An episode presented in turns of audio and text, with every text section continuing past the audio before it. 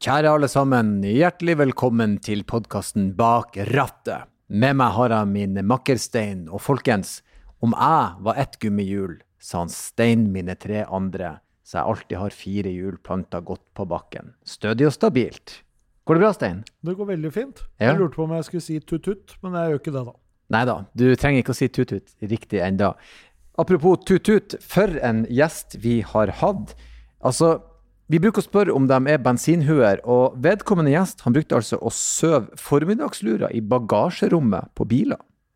Ja, og han eh, lærte å kjøre bil av mekanikerne i bilbutikken til sine besteforeldre i Danmark. Og helt på toppen av det hele så har han faktisk krasja med et neshorn. Jeg har aldri hørt om noen som har gjort det før. Dagens gjest er Espen Dansken Selvik. Han er rapper, han er programleder i TV. Han har faktisk laga norsk Top med alt det presset det innebærer. Og for en prat det ble. Folkens, jeg skal ikke kaste bort mer tid. Bare nyt episoden.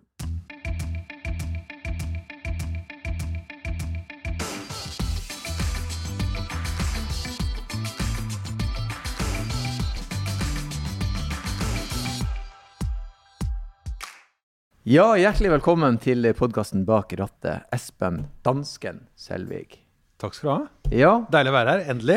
du, det, det her er, det har man sett frem til. Vi har jo uh, bruker å få innspill fra gjester som er ønska, og der er du selvfølgelig spilt inn. Og du har jo en uh, vi har, Første spørsmålet vårt er jo uh, vil du anse deg sjøl som et bensinhue. Og det er vel ikke en, en hemmelighet at du kanskje plasserer deg i den kategorien. Ja, så Jeg har flaska opp på bil. Altså Morfaren min var bruktbil- og nybilforhandler i Nykøbing Falster, som er en liten by sør i Danmark. Så jeg har liksom fått det inn eh, som barn. Men jeg var ikke en av de som samlet på eh, sånne bilkort og sånn, fordi jeg nettopp var liksom nede i smørehallen og traska rundt i altfor liten kjeledress som barn og fikk liksom noe av den derre eh, Jeg fikk den bensinsmaken inn med blodet. Jeg trengte ikke de korta. Det var ikke den eh, nå, nå sitter vi jo i et showroom, ikke sant? Bare lyden av gummi mot uh, det der blankpolerte steingulvet, det sender meg tilbake igjen til barndommen. Lyden av liksom dører som klapper igjen på nye boksfreshe biler, sender meg liksom tilbake igjen til barndommen. Og det å legge seg inn i bagasjerommet på en ny bil, klappe igjen luka, og så sove fram til mormor og morfar hadde gjort opp regnskap og skulle dra, det var barndomsminnet. Så ja, bil har vært med meg hele livet, men jeg er kanskje ikke den tradisjonelle petrolheaden. For å svare sånn direkte på spørsmålet. Men den gangen så var det jo litt sånn Det var jo litt høytid å gå i bilbutikken. Det var jo nesten så du pynta deg litt når du skulle ut og se på bil. Det Ja. var jo virkelig en eh, Det var jo en opplevelse, liksom. Ja, men det var absolutt det. Men, og da, husk på, jeg var jo da på innsiden av den opplevelsen. Fordi hver, eh, hver Jeg er jo fra Danmark, og foreldra mine gikk fra hverandre da jeg var liten, og så dro mutter'n til Norge. Eh, og så alle ferier og sånn, så var jeg mye sammen med besteforeldrene mine. Og da var jeg på verkstedet, og jeg var inne i, eh, i butikken og på lager og alt mulig sånn. Så, så den opplevelsen du beskriver der, den hadde jeg ikke noe særlig selv fra utsiden, men jeg hadde den fra innsiden. Mm. sant? Besteforeldrene mine bytta jo biler som andre bytter undertøy. Det var en ny bil hver dag. Jeg lærte å kjøre nede på verkstedet av mekanikerne. Jeg var 13 år og kjørte da verkstedbilen, en gammel Skoda. Eh, jeg lærte å kjøre i tresko. Og mormor kom hylende ut da hun så hva som foregikk. Ikke sant? For jeg spinner rundt bensintanken. Jeg fikk bare kjøre i sirkel. Så jeg fikk jo kanskje ikke den eh, sta, altså den derre den hellige følelsen med bil. Det var, med, det var noe som bare alltid var der. Men jeg assosierer det veldig med sterke eh, barndomsminner. da.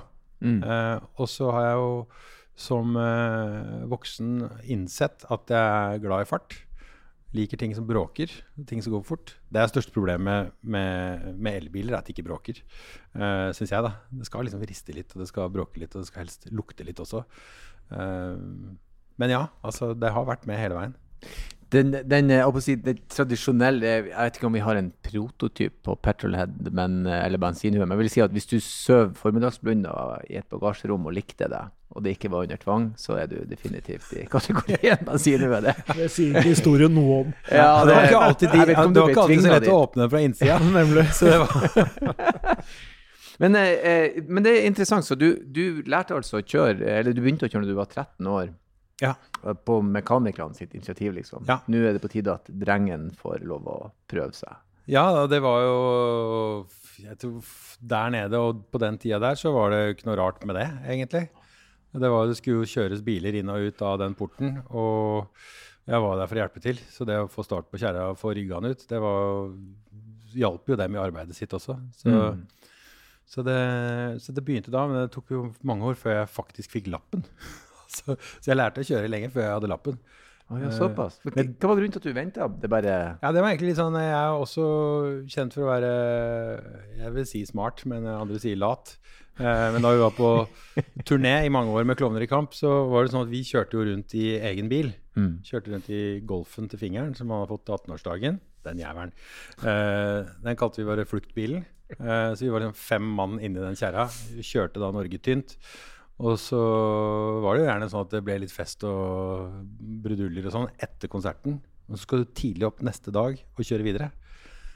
Gjett hvem som da ikke kjører den bilen. Ja, ja. Det er han som ikke har lappen. ja. Så det var bare å liksom utsette det så lenge som mulig. Strategi, rett og slett. Ja, ja, gæren? For da kunne jeg sove lenge mens de andre diskuterte hvem det var som skulle kjøre. da. Mm. Så jeg hadde fast plass bakerst til høyre. Strategisk utsettelse av lappen, rett og slett. Absolutt. Det tok også mange år før jeg eh, var ærlig på at jeg faktisk visste hvordan man lager kaffe. Fordi, ja, men, ja, men Ja, ja. eh, Kan du sette på kaffe? Nei, sorry, jeg kan ikke. Det blir bare jævlig vondt. ja, fordi det har jeg nemlig også gjort. Bare lager den utrolig sterk. Ja, ja. For det, for, for det er aldri noen som klager over for sterk kaffe, men neste gang så lager de det sjøl. ja jeg vet. Men det er dritsmart. Det er eh, Skal vi kanskje ikke snakke høyt om dette, Nei, her, det er dumt. jeg har kommet langt i livet med, med å være litt taktisk. Jeg er litt sånn spent. Du er jo, eh, du er jo eh, dansk-norsk, Ja. eller norsk-dansk, alt etter Ja. som. Hvordan er å si, bilkultur, rånekultur i Danmark? Vi har jo en viss grad for rånekultur her til lands. Hvordan er den i Ja, den er Jeg elsker å snakke om ting jeg ikke har greie på. Eh, nei, altså, rånekulturen er vel eh, sikkert til stede her. Den kjenner jeg ikke så godt i Danmark. Men vi, altså der hvor faren min bor, er det jo en form for rånekultur. Uh, men den, eh, det er ikke så mye laksetrapp og sånn i bakruta. Der er det treff hver søndag nede på bensinstasjonen på Strandveien, som eh, Arne Jacobsen designet sin tid. Og der kommer de med rånebilene sine, og det er bare kremsportsbiler fra 60- og 70-tallet. Da kommer alle gutta med vaffeljakke og spissesko, og så står de og måler litt penis, og så møtes de neste søndag igjen. Som man gjør. Ja, det er råning i, i, i whiskybeltet, som det kalles. Ah. For, for bil i Danmark og bil i Norge er jo også ganske forskjellig, egentlig. fordi at i I Danmark har det jo på en måte vært uh, Der har jo avgiftsnivået og hva skal vi si, måten man har lagt opp det til, gjør jo at uh, i Danmark så selger man jo veldig veldig mye små biler, Ja. kontra i Norge, hvor vi stort sett kjører SUV alle sammen. Så det er jo en annen type bilkultur. 100 altså dette, altså Det er mye drittbiler i Danmark. Eller ikke drittbiler, men det er mye små, Ja, rare, billige, skeive, små, billige bulkete biler. biler. Ja. Og, og min morfar også, han solgte jo disse bruksbilene.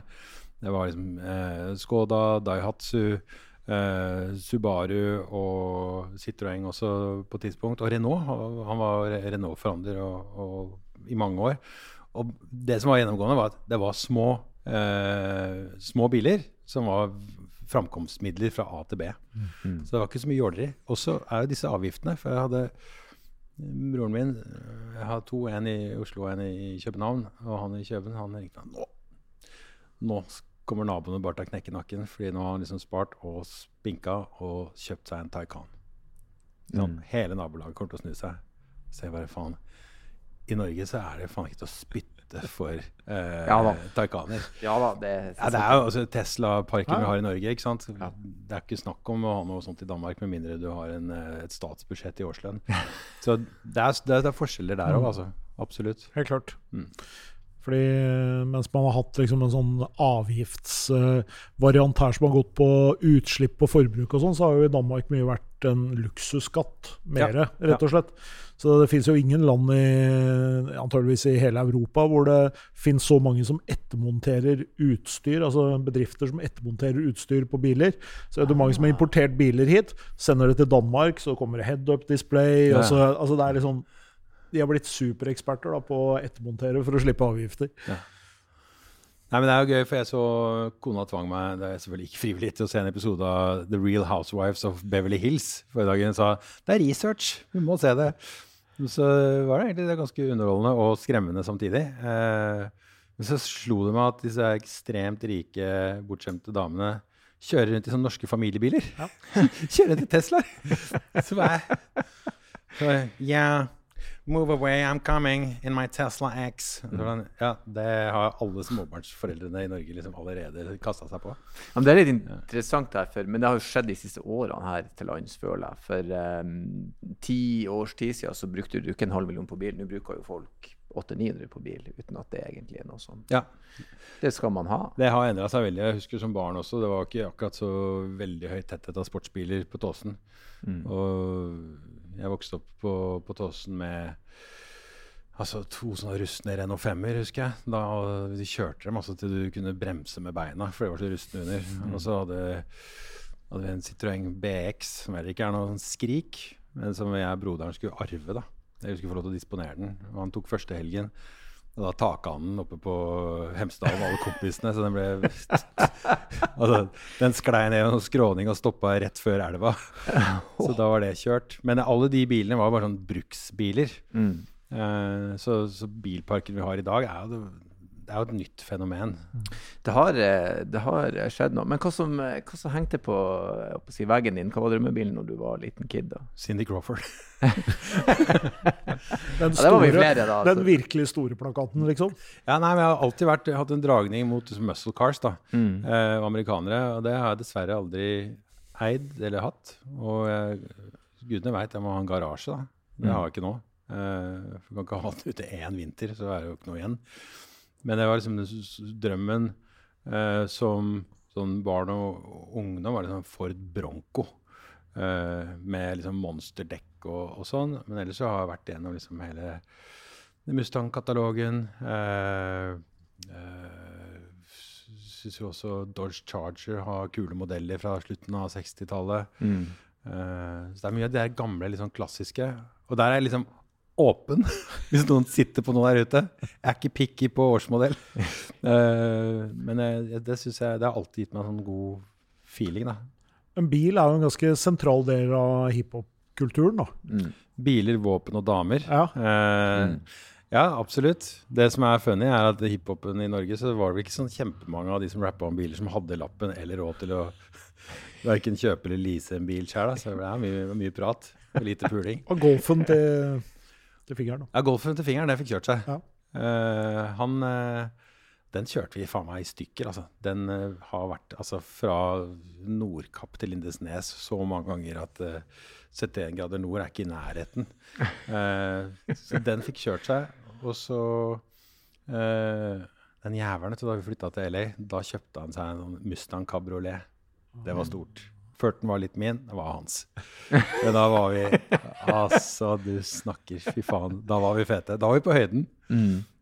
Og fra da så har det gått nedover. Mustang Cabriolet var jo en av de Jeg, jeg, jeg, jeg mener det i Menace to Society, så kjøper han seg en 5.0 grønn med ja, ja, ja. Og det var jo sånn, vi var jo sånn at det, det, det må man ha. Det har gangsterne og rapperne. Ja, ja. Så det må man ha. Så var vel Escalade med måkevinger der ei stund også. Ja, altså med litt hydraulikk, så man kan sprette ja. nedover Torgata. Det hadde selvfølgelig vært noe hatt på Mustangen. Jeg ser det. Ja, det var gøy, det. Ja, det har vært fint. Ja, det er, og det er noe sånt jeg gjerne skulle hatt. Ja, ja. Bare så for så flipp. Litt sånn ironisk distanse, liksom. Ja. ja. Og nå kan jeg Nå er liksom eh, ja, godt over 40-årskrisa. Eller jeg er liksom på vei ut av den nå. Jeg har egentlig ikke hatt den. Du kan ikke ha 40-årskrisa når du har hatt det gøy hele livet, liksom. Men jeg har hatt en sånn nå. Henta på skolen, liksom, i en sånn. Ja. Ja. Og bare sprettet bare, ut. Bare, ja, fy faen, det har vært livet, altså. Jeg tror jeg kunne pulled it off, liksom. Ja. Jo, uten tvil. Hvis, det, hvis det er noen ja, ja. så tror jeg du hadde vært jeg... Men Pass på at det er skikkelig overtrekk. Det må være Jeg har plaget livet av barna noen ganger. Hvor jeg kjørte liksom litt praktisk familiebil, og så på veien på benseren så jekker jeg da så jekker jeg setet jeg sitter i, sånn helt ned i liggende stilling nærmest. Åpner alle vindusrutene. Og så kjører vi liksom tung, tung hiphop. Så har jeg låst vinduene i åpen stilling. Eh, for jeg, jeg, tenker liksom Når man kjører bil, så må man, man må gjøre det ordentlig. Du må liksom gå inn i rollen også. Og når man kjører rundt på, på Tåsen med masse unger i barnesett og sånn, så er du så langt unna gangsterrapper du kan komme. Men du kan likevel få en liten sånn touch av det. Eh, og måten man gjør det på, er at man da tar og bare jekker setet sitt ned i liggende stilling, åpner alle vinduene og låser vinduene, sånn at barna ikke er i stand til å lukke vinduet når du cranker opp Scarface Ja. på fulle mugger og kjører dritsakte inn på benseren foran alle vennene deres. Ja. Det er noe av det ypperste man Ja. kan oppleve som familiefar i bil. Jeg, jeg er jo eh, eh, Ungene mine har jo allerede funnet ut at jeg er det kleineste i verden. Så jeg har tenkt at da skal jeg være akkurat det for dere. Så jeg prøver så ofte jeg kan å sette de i forlegenhet. Ja, men Det er en av hovedoppgavene som Hent, pappa. hent de på å- skolen, ned med vinduene. Drithøy musikk. Gjerne heng ut og vink. Og pappa er her! Ja, ja, ja. Så han mellomste sønnen min han, han er fiolett i fjeset Nei, han. Han blir så forbanna. Det er veldig artig. Da Det herder det for det som kommer senere. ja, for Ja, ja. det kommer. Men jeg deler jo litt sånn interesse. Sønnen min han er ti. Han har ikke lært å kjøre ennå, altså. Ta det med ro. Eh, men jeg fikk jo låne den der uh, GT-en til Audi da den kom. Mm. Og den har jo en sånn uh, interessant sånn launch-kontroll. Mm. Uh, og da var jeg og Max vi var ute og testa den litt. Og da var det veldig bra sånn teamwork, for da fant vi sånne litt sånn øde landeveier og sånn. Eh, hvor han sjekka bak, og på sida sånn 'Pappa, det er klart!' Ignite! Launch control! Så det var jævlig gøy. Er far sønnen på Det- det- nivå. pappa, det er klart. Du ja, kan det mangla da, var vinger som vi kunne ta av. Det, veien er klar, nå kan vi bryte på. Ja, ja, ja. Nei, Man må jo involvere dem fra ung alder. Ja, det er, jeg synes det er gøy å dele det også med, med barna. Og det er jo liksom Det er jo en uh, verden som kan være litt sånn lukket og fremmed og eh, vanskelig å forstå seg på hvis ikke du har en guide inn, da. Mm. Så jeg har hatt med Max også på Rudskogen og sånn.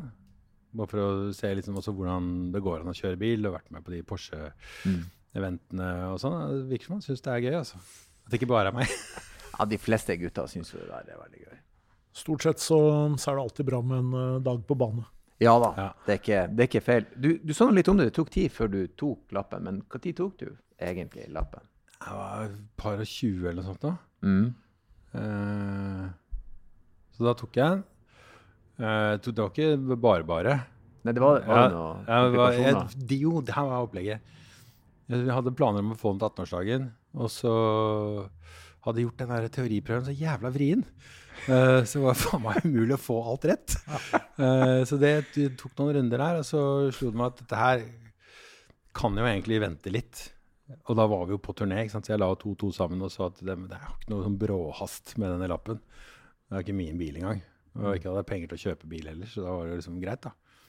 Og så var det vel egentlig at jeg hadde vært ute og reist litt sånn rundt i verden hvor jeg liksom innså at nå blir det mye kjøring uten lappen her. Så nå må vi kanskje bare få tatt den, så at vi har det på plass. Eh, Vent litt, det ble, ble mye kjøring uten lappen. nei, men altså hvis du er ute i, i grisgrendte strøk, da. du må sant? kjøre. Da må du jo kjøre, ikke Ja, sant? ja. Altså, hvis du er uh, eh, i et uh, land hvor det kanskje ikke er sånn dritsafe å gå på natta og sånn, Ja, må kjøres bil. kjøre. og da kjører du. Mm. Og det er jo ingen som lurer på om du har lappen. Eh, Kan du kjøre? Ja. Jeg kjører. altså, alt dette er jo foreldet. Jeg kan jo snakke om Du, det. du, er pragmat, du er pragmatiker, med andre ord. Det, vi må løse oppdraget. Det er ikke, Ja, ja, ja. det må- ja, men 100% Og hvis de hadde vært i en krisesituasjon, så måtte jo de som kan ta rattet, ta det, liksom. Å ja da. Ja. Så du var noen og 20? Hæ? Du var noen og 20 da, Jeg var noen og 20. da du kom dit? Ja. Men da, men da sto du på teorien til slutt? Ja, det, vet åpenbart sto jeg med et nødskrik, sikkert, og så hadde jeg oppkjøring, og så satt den. Og så er jeg var livredd for at noen skal presse meg til å ta den på nytt for å sjekke om jeg husker noe. Eh, hva tror dere om dere sjøl? Jeg har testa litt, da, for jeg har et par unger som har eh, tatt lappen. Og det er jo ikke alt jeg vet, nei. Nei, det er ikke det. Nei. Og jeg lærer hele tiden noe om at uh, altså Her om dagen så lærte jeg at eh, hvis du f.eks. er i ei 60-sone, Mm. så står det skilt på en viss, med en viss intervall Mm. og viser at det er 60. Så hvis du ikke har et eller annet og kjørt eh, et visst antall, eh, et visst antall meter, og du ikke har sett noe skilt, da er du 80. Å? Ja. Mm. Så hvis jeg ikke ser noe 60-skilt Hvis du ikke ser noe 60-skilt, så er du i 80-sone. For den Ja. skal stå med en eh, viss intervall. Det, det, dette Skummelt hvis er, man blunker mye, da. Det er sant. Det er skummelt. Og så, ja. Nei, det, det, det er skremmende hvor mye som feida. For jeg forsto plutselig at jeg tok motorsykkellappen for tre år siden. Ja. Og da lærte jeg merking i veien. Jeg hadde Ja, liksom sett for de det her har lange- no- det har en hadde betydning, da. Ja, det har det. Lange streker, korte streker, hvilke sider de er på. Ja, ja. Og det hadde jeg på en måte bare eh, sletta. Ja, Og så når vi kjørte sykkel, sånn Å ja, her er det lov å kjøre forbi. Her er det faktisk ikke lov. Det er lange streker. Eller? Ja. Og det er flaut å ha som kjørt bil i ja, 25 litt flaut, og så bare, litt «Å, det her- flaut. Jeg visste ikke om det her. Nei, nei. Jeg har gått Men meg man er litt mer utsatt på sykkel, da. Så Ja, der må man blir man litt- liksom mer oppmerksom. Litt mer nøye. så du teorien bor burde man kanskje ta med jevne mellom. Jeg vet ikke. Du bor i Bodø, da. Det er liksom to måneder Ja. hvor det ikke er snø, så det er jo da du ser den merkinga. Så Det er glemmer du jo ser fort. det. Er hvit asfalt året rundt. Men du sto på, på oppkjøring òg. Alt gikk bare godt? Ja, det må det ha gjort. Fordi jeg, og jeg har fremdeles lappen. Mm. Aldri mista den. Ja, det er bra. Ja. Aldri mista den, Men det er Nope. bra. Nei, men det, nei det, jeg sa det som om jeg var overraska, men det, de færreste mista den jo. Men vi har hatt en god del gjester som faktisk har kjørt fra seg. Ja, da, det er noen som har eh, tatt ut litt. Hva var første bilen du kjøpte som liksom var din bil? da? Nei, det var en uh, Landcruiser. En uh, 2005-modell, så det er ikke så mange år siden. Um, det var en sånn drømmebil. Og det var uh, i forlengelse av å ha vært, reist en del i Afrika sånn da jeg var litt yngre.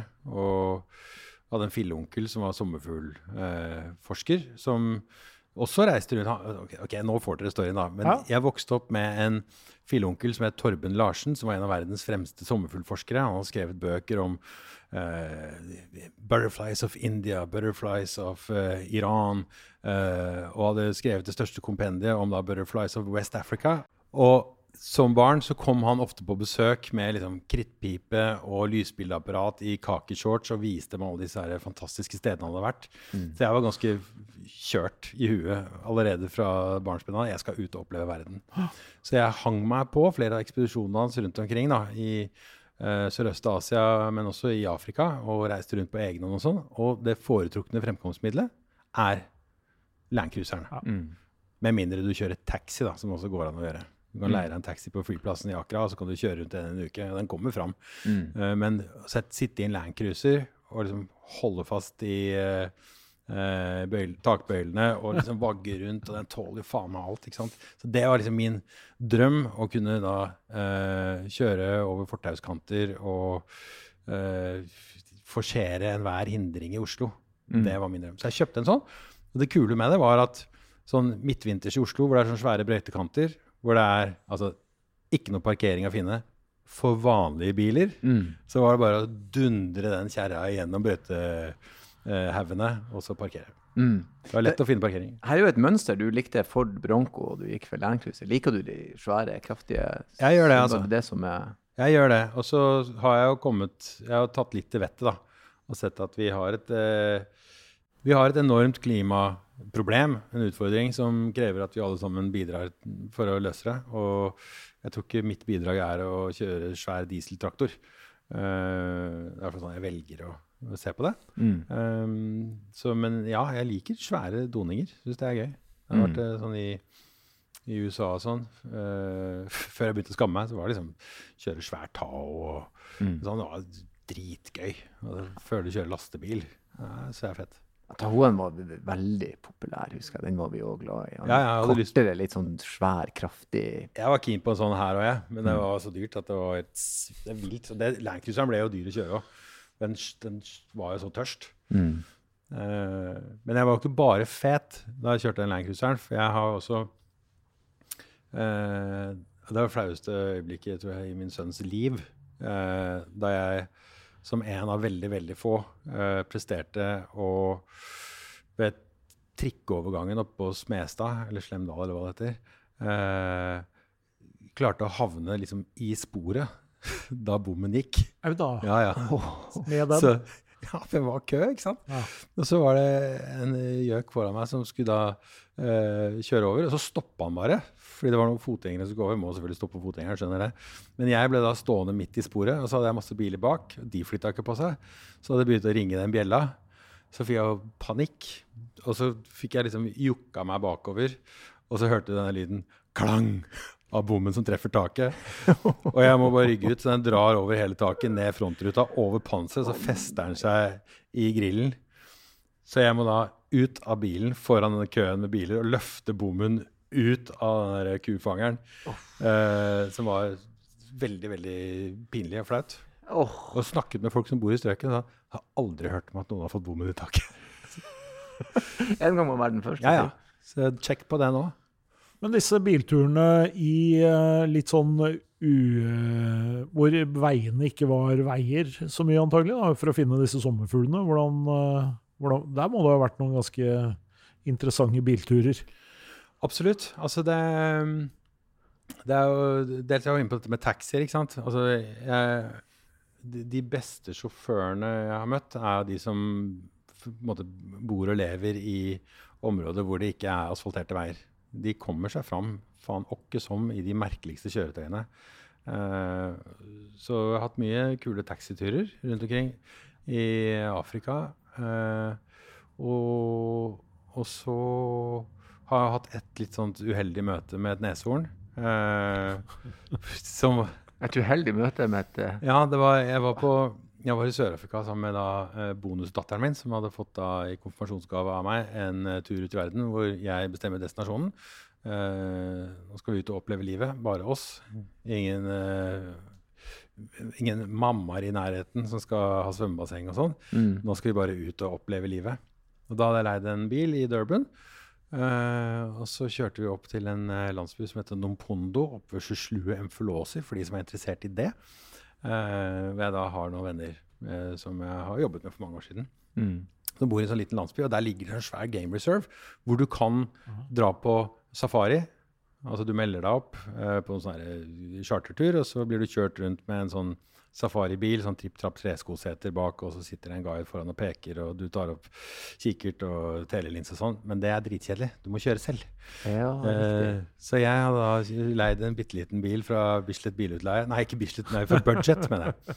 Eh, ikke Bislett. Det har vært jævlig langt å Det kjøre. hadde vært kult. Det har vært god, da ville jeg hørt om turen. Ja, ja, ikke sant? Det var langt. Nei, fra Budget. Uh, jeg var faktisk ikke så liten. Det var en Nissan X-Trail. Jeg tenkte det skulle være litt sånn Ja, det er ikke liten. Nei. Det er ikke svær heller. Vi var i hvert fall da eh, inne ganske tidlig om morgenen i parken. Det er akkurat når sola står opp og når liksom morgenduggen er i ferd med å fordampe. Det er veldig, veldig sånn eh, fint sånn øyeblikk. Og det er da liksom, dyrene også begynner å røre på seg. Og eh, elefantene liksom ruller nedover eh, slettene og, og sånn. Og så kjører vi innover på sånn rød grusvei, og, og så ser jeg det.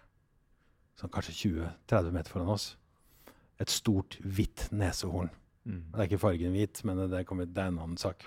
Det lunter liksom på veien foran, og så sier jeg nå må du åpne vinduet, og så må du ta frem kameraet, fordi så nærme kommer du aldri et nesehorn i ditt liv. Så hun sveiver ned vinduet. Er du sikker på at det er trygt? Sånn? Bare slapp av, den hopper ikke inn i vinduet. Det er altfor stort. Mm. Bare, Dette går fint. Dette har jeg gjort 100 ganger før. så jeg ligger i første gir. Og er det veldig med ro, liksom. Må ikke stresse dyr og sånn. Og så ligger vi etter en stund. Det lunter og går på venstre side av veien. Før det da krysser veien over mot høyre side. Og så stopper det. Og så snur det seg. Ser det meg rett i øya, og så senker det hodet. Mm. Og så dundrer mot bilen. Og da får jeg panikk. Ikke sant? Så jeg gir jo bare bånn spiker og prøver å svinge unna og komme meg rundt det. Uh, men den er sjanseløs, for den har liksom bestemt seg. Så den dundrer inn i siden av bilen uh, og tipper bilen ut i grøfta. Oh, Vi lander herre. heldigvis på alle fire hjul, men du hører den forferdelige lyden. Fss! Og bilen bare Heldigvis så stikker neshornet, da. Eh, så vi blir sittende her. Jeg skjønner at den bilen her, den går ikke en meter. Her er det et eller annet alvorlig galt. Mm. Uh, og det var ganske sånn dårlig stemning inni bilen. Uh, Dette går bra. Dette går alltid bra. ja, og da var må, ikke ja. Dette kommer til å gå kjempebra. Nå må du bare sitte i ro. Så må du huske Du må prøve å memorere alt som skjer rundt deg nå. Hva lukter det i bil? Hvordan ser ting ut? For dette her kommer til å bli en av de beste historiene i den der kørja med nachspiel-historier. Så jeg, ok, nå, nå må vi bare sitte her og vente. Jeg ringer inn til, til de folka mine i landsbyen og bare Mayday, mayday! We just got attacked by a rhino. Uh, så vi må ikke forlate bilen, for vi aner ikke hva som befinner seg rundt oss. Og så kommer det da en sånn turistsafaribil med masse amerikanske tjukkaser på planet. Og ja, ikke sant? Så bare So, what happened to you guys? We just got attacked by a rhino. well, that happens all the time. But stay put in the car. There's a school of lions just around the bend. Oh. Just caught a wilderbeast. Uh, så, da var det, så det var løver rett rundt svingene. Da ble vi bare sittende. Og så skulle han da ringe inn til campen og få noen til å komme ut og hjelpe oss. Og vi satt der, og det varte og rakk. Eh, jeg hadde rukket å få morgenkaffen min, men jeg hadde ikke rukket å gjøre nummer to. Så det var ganske sånn pressa øyeblikk. Eh, og så kommer det da en gjeng med noen sånne lokale helter. Også de da i private biler. Og de var, de var veldig sånn uh, nevenyttige karer. Og sånn, ah, lines! We just make a circle and we chase them off.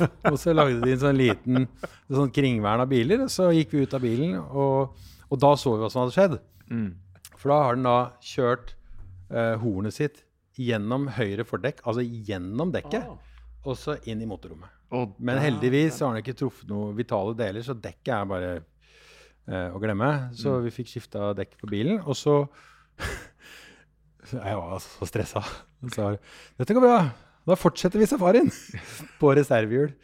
Bare sånn for, for ikke å For å roe stemningen, Ja, liksom. fordi hvis vi nå hadde forlatt parken, ikke sant, så hadde vi aldri dratt på safari igjen. Ja, Så det vi- er viktig. Du må på hesten igjen. Du må. Ja, så måtte jeg på do òg, så vi måtte inn der hvor det var Jeg visste hvor det var toaletter, ikke sant. Så vi kjørte inn dit, og så snudde vi, og så skulle vi vi skulle fly til Norge dagen etterpå. Så det var liksom om å gjøre å komme til Durban igjen. Det tror jeg er 350 km. Og på reservehjul, som da er maksfart 80 Ja. Og vi hadde litt dårlig tid, så måtte jeg ta et valg.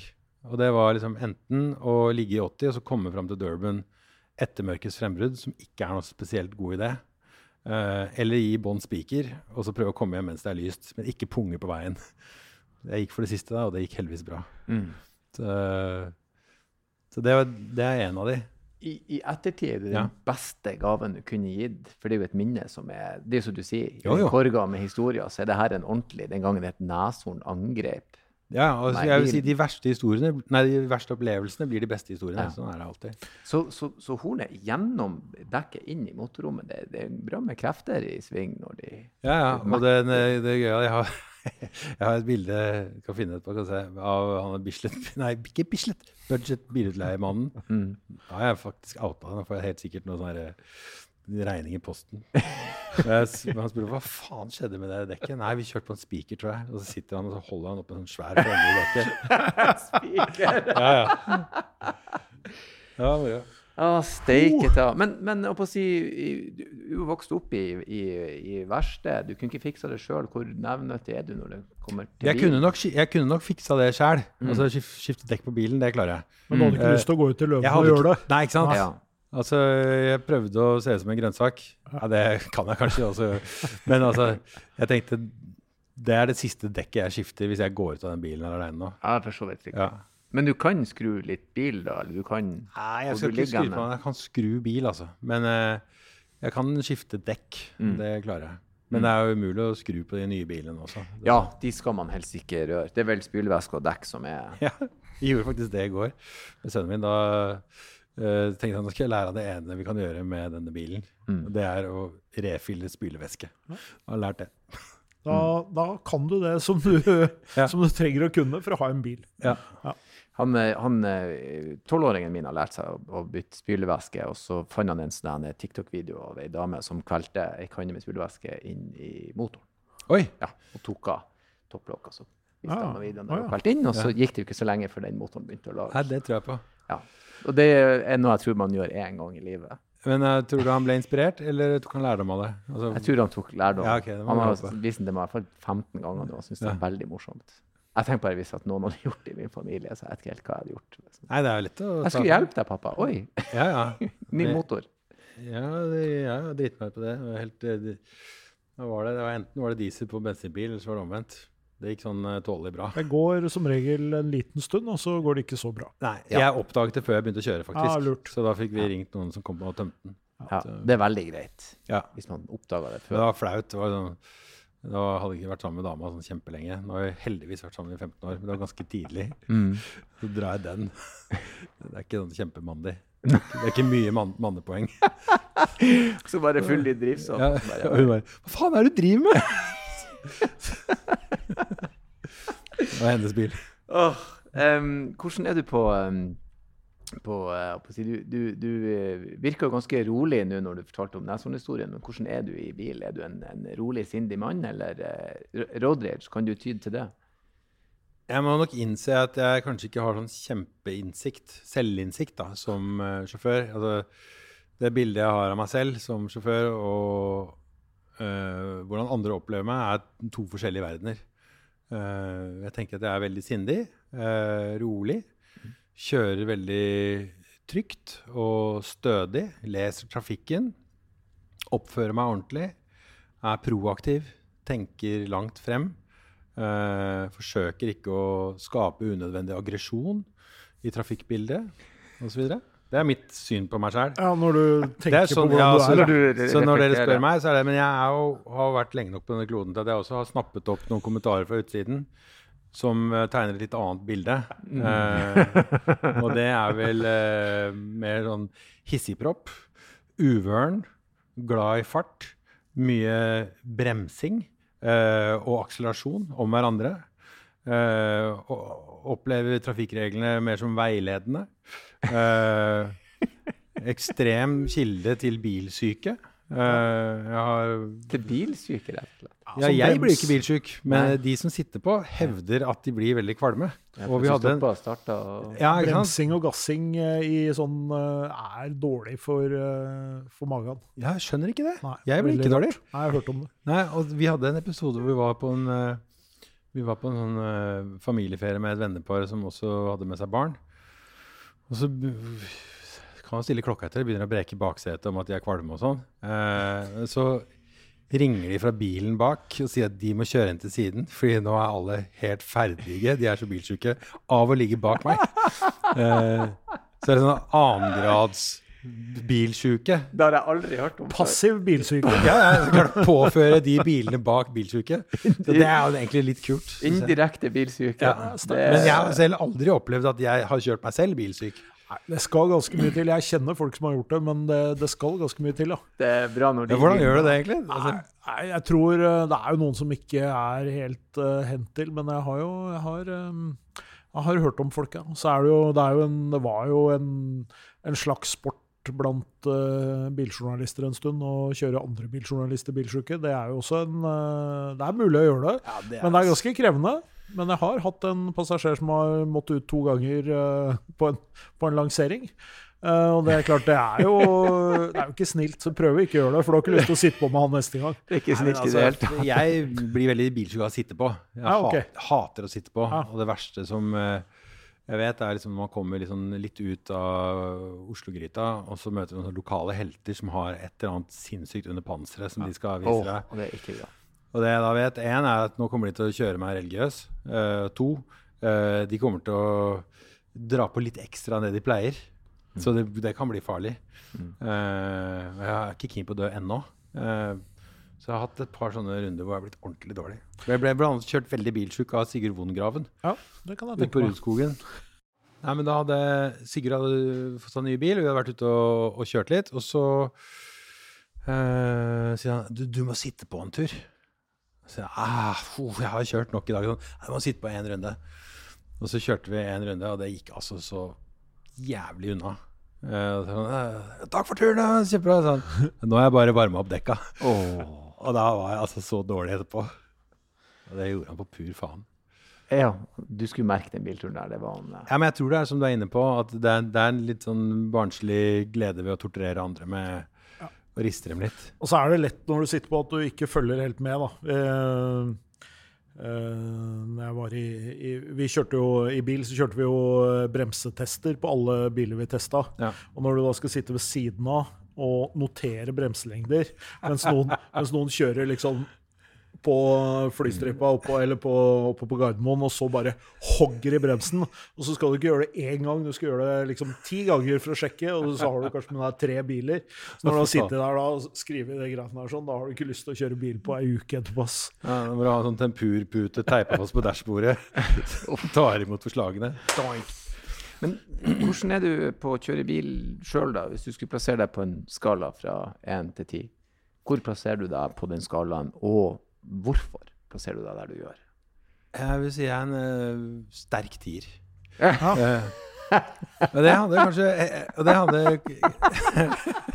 Sterk tier. Ja, men nå spør du meg. Du, spør, Ja, ja, du, ja, spør, ja, ja, ja. Altså, du kan Ja, ringe kona mi. Hun kommer ikke til å gi, den, uh, gi meg tier. Men jeg, hvis du spør meg, Mm. så er det en sterk tier. Uh, og det handler dels om at jeg elsker å kjøre bil. Mm. Jeg syns det er så deilig. Det er uh, Og jeg, det er gøy å kjøre med full oppakning sånn, men det å kjøre bil aleine og kjøre langt, Mm. det er helt fantastisk. Og jeg er egentlig ganske sånn er glad i å kjøre alt mulig. Mm. Jeg kjørte et sånt flyttelass fra Danmark nå for et par uker siden. Derfor jeg nevnte bil, Bislett Billeie. Jeg kjøpt, kjørte en sånn svær jævla transporter. Som ikke er noe sånn komfort og sånn, men bare det å sitte i den Ja, ikke sant? Du, du, du føler deg som en lastebilsjåfør, og ting er litt mer sånn Du må litt krefter til, og du har tung last, og Mm. snør sidelengs gjennom Sverige. Da koser jeg meg skikkelig. Da har jeg det så bra. Vagge ut av bilen og kjøpe seg en hagle med tur-retur med sende på ketsjup og litt sårskorpe. Og så inn og søle litt kaffe og dundre Fint å bare liksom strø litt sånn kvitteringer utover i vinduet. Yes! Og, ja. Ikke sant? Ha, altså, ha med kvitteringer hjemmefra. ja, ja, Bare ha i lomma. Altså bare Ja, det liker jeg godt. Det er, jeg er veldig glad i å kjøre bil. Mm. Derfor tier. Av ren liksom glede. Jeg liker at den er sterk òg. Det er Jo, ja. ingen forbedringspotensial. Er ti pluss. Å ja, var det det du var ute etter? Nei, nei. Vi var, bare, vi var ute etter din vurdering. Ja, du spør din- meg, og så Ja, ring kona. ja. Du får et annet svar. Ja, ja. Mm. Nei, men henne har vi ikke invitert. Nei, ikke Men du har jo også eh, klart å, eh, å kombinere eh, din kjærlighet for å kjøre bil med jobb og Mm. lagde norsk Top Gear. Å, fy faen. Beste tida. Det var det, ja. Det var altså en drømmejobb. Mm. Det var, det var ikke en jobb. Det var jo bare pur glede. For, for det første var vi en jævla fin gjeng. Det var Petter Skjerven og Fredrik Aasbø. Og så var det en utrolig fin gjeng med eh, eh, crewet som vi, vi var rundt med. Med en fantastisk regissør og tekstforfatter og lyd og foto. Og alle var, og produsenten og sånn, som alle var veldig sånn samla om det vi skulle gjøre. da. Vi skulle ha det skikkelig gøy med bil. Og så prøve å dele liksom, lidenskapen og interessen og gleden som veldig mange har med bil. da. Og så er det en veldig Jeg følte litt det var så stort ansvar, for jeg tror halve Norge var sånn Hæ, hvorfor har han den jobben? Den burde jeg hatt! Ikke sant? Så vi forvaltet jo på en måte en sånn eh, lidenskap som jeg vet betyr veldig mye for andre. Og eh, mest av alt så var det veldig gøy å få møte så mye bilinteresserte folk. eh, og få testa så mye biler som jeg aldri kunne drømt om å, å få kjøre. Og så få herje litt. Råeste opplevelsen, da. Og det var flere av dem. Jeg synes kanskje den største opplevelsen for meg da, som tiersjåfør, da var jeg kanskje på ni. Eh, men da hadde, hadde de satt opp en sånn løype på, på en strand på Jylland. Det var en av de første opptaksdagene.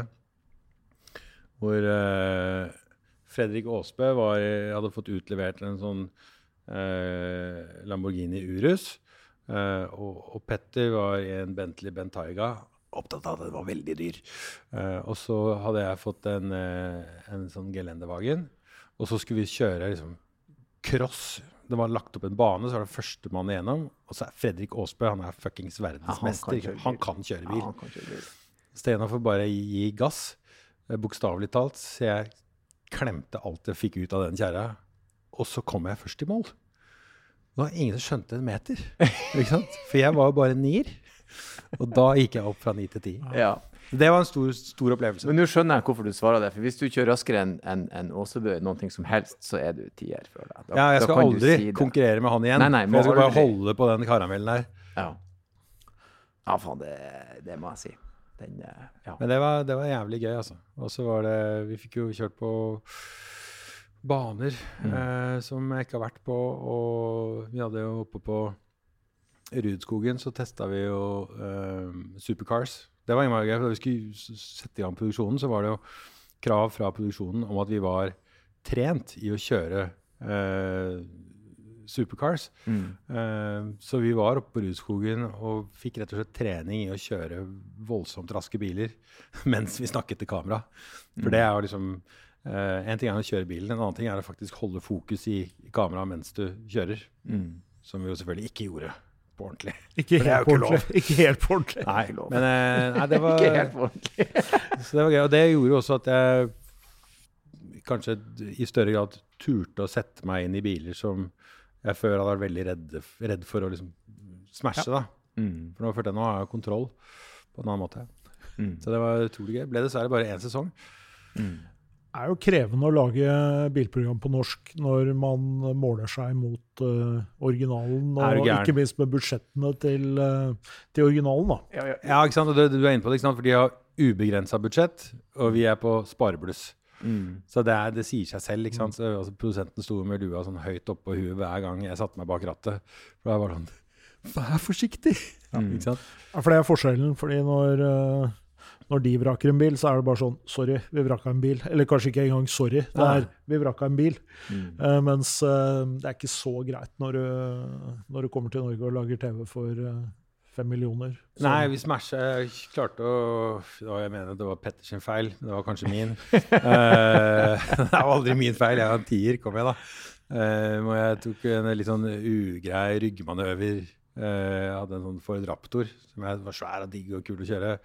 Inn i en sånn uh, boksfresh uh, Range Rover. Uh, så ikke sant? Da ja, det er ikke noen god følelse. For Petter, nei. Nei, det er dumt av Petter. Ja, Veldig dumt av Petter. Veldig dumt. Han sto akkurat der hvor jeg skulle kjøre. Ja, det var veldig urutinert. han sto i ro, nemlig. Ja, veldig urutinert. Ja. Men eh, nei, det var moro. Oh, det høres ut som den ultimate drømmen. Men da har du jo kjørt ganske mye forskjellig morsomt, da. Men eh, OK. eh, følgende scenario inntreffer. Det er eh, fredag. Mm. Det er eh, euro-jackpot. Mm. Den er på 972 millioner. Mm. Og den går rett inn. Hva kjøper du da? Nei, Ikke tenk på huslånet. For da hadde jeg Huslånet lar seg løse, da. Ja, ikke sant, men da hadde jeg hatt eh, 800 000 igjen da, etter jeg betalte ned det. Eh, jeg hadde nok eh, reist over dammen, altså.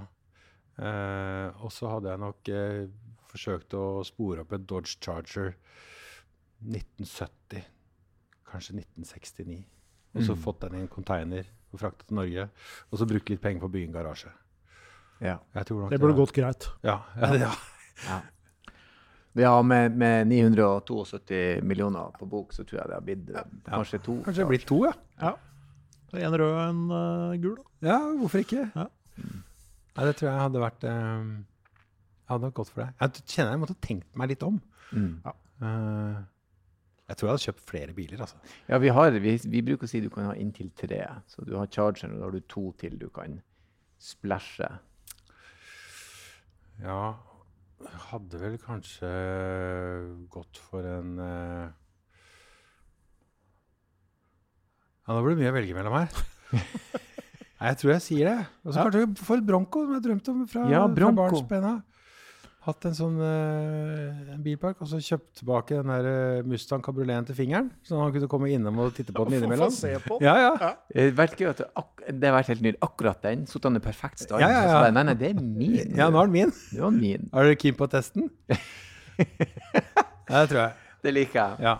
Det Det er er litt bra. mindre harry enn å velge noe veldig dyrt, så nå velger jeg bare å ta igjen. Jeg vil heller være smålig enn Ja, ja, heller smålig. Kan kjøpe en Golf til han, vet du. Ja, jeg kan kjøpe den gamle Golfen. Ja, Og ikke sette han i stand. Ja, Heller smålig enn harry. Det syns jeg er Ja. et nydelig Ja, det er bedre. Det skal jeg motto begynne- å leve etter. det skal jeg begynne å leve veldig hardt etter fremover. Du, vi eh, Tusen takk for at du kom på besøk til oss. Takk for at vi kom. om bil. Det var drithyggelig. Ja, det må jeg si. Det her var en eh, riktig godbit. Og så avslutter jeg sånn som jeg alltid gjør, med å si eh, takk for besøket, og kjør forsiktig. Det kan jeg ikke love. Jo da, det kan jeg love. Tut og kjør, faktisk. Det er jo ti pluss, da, faktisk. Ja, ja, ja. Jeg skal kjøre fett.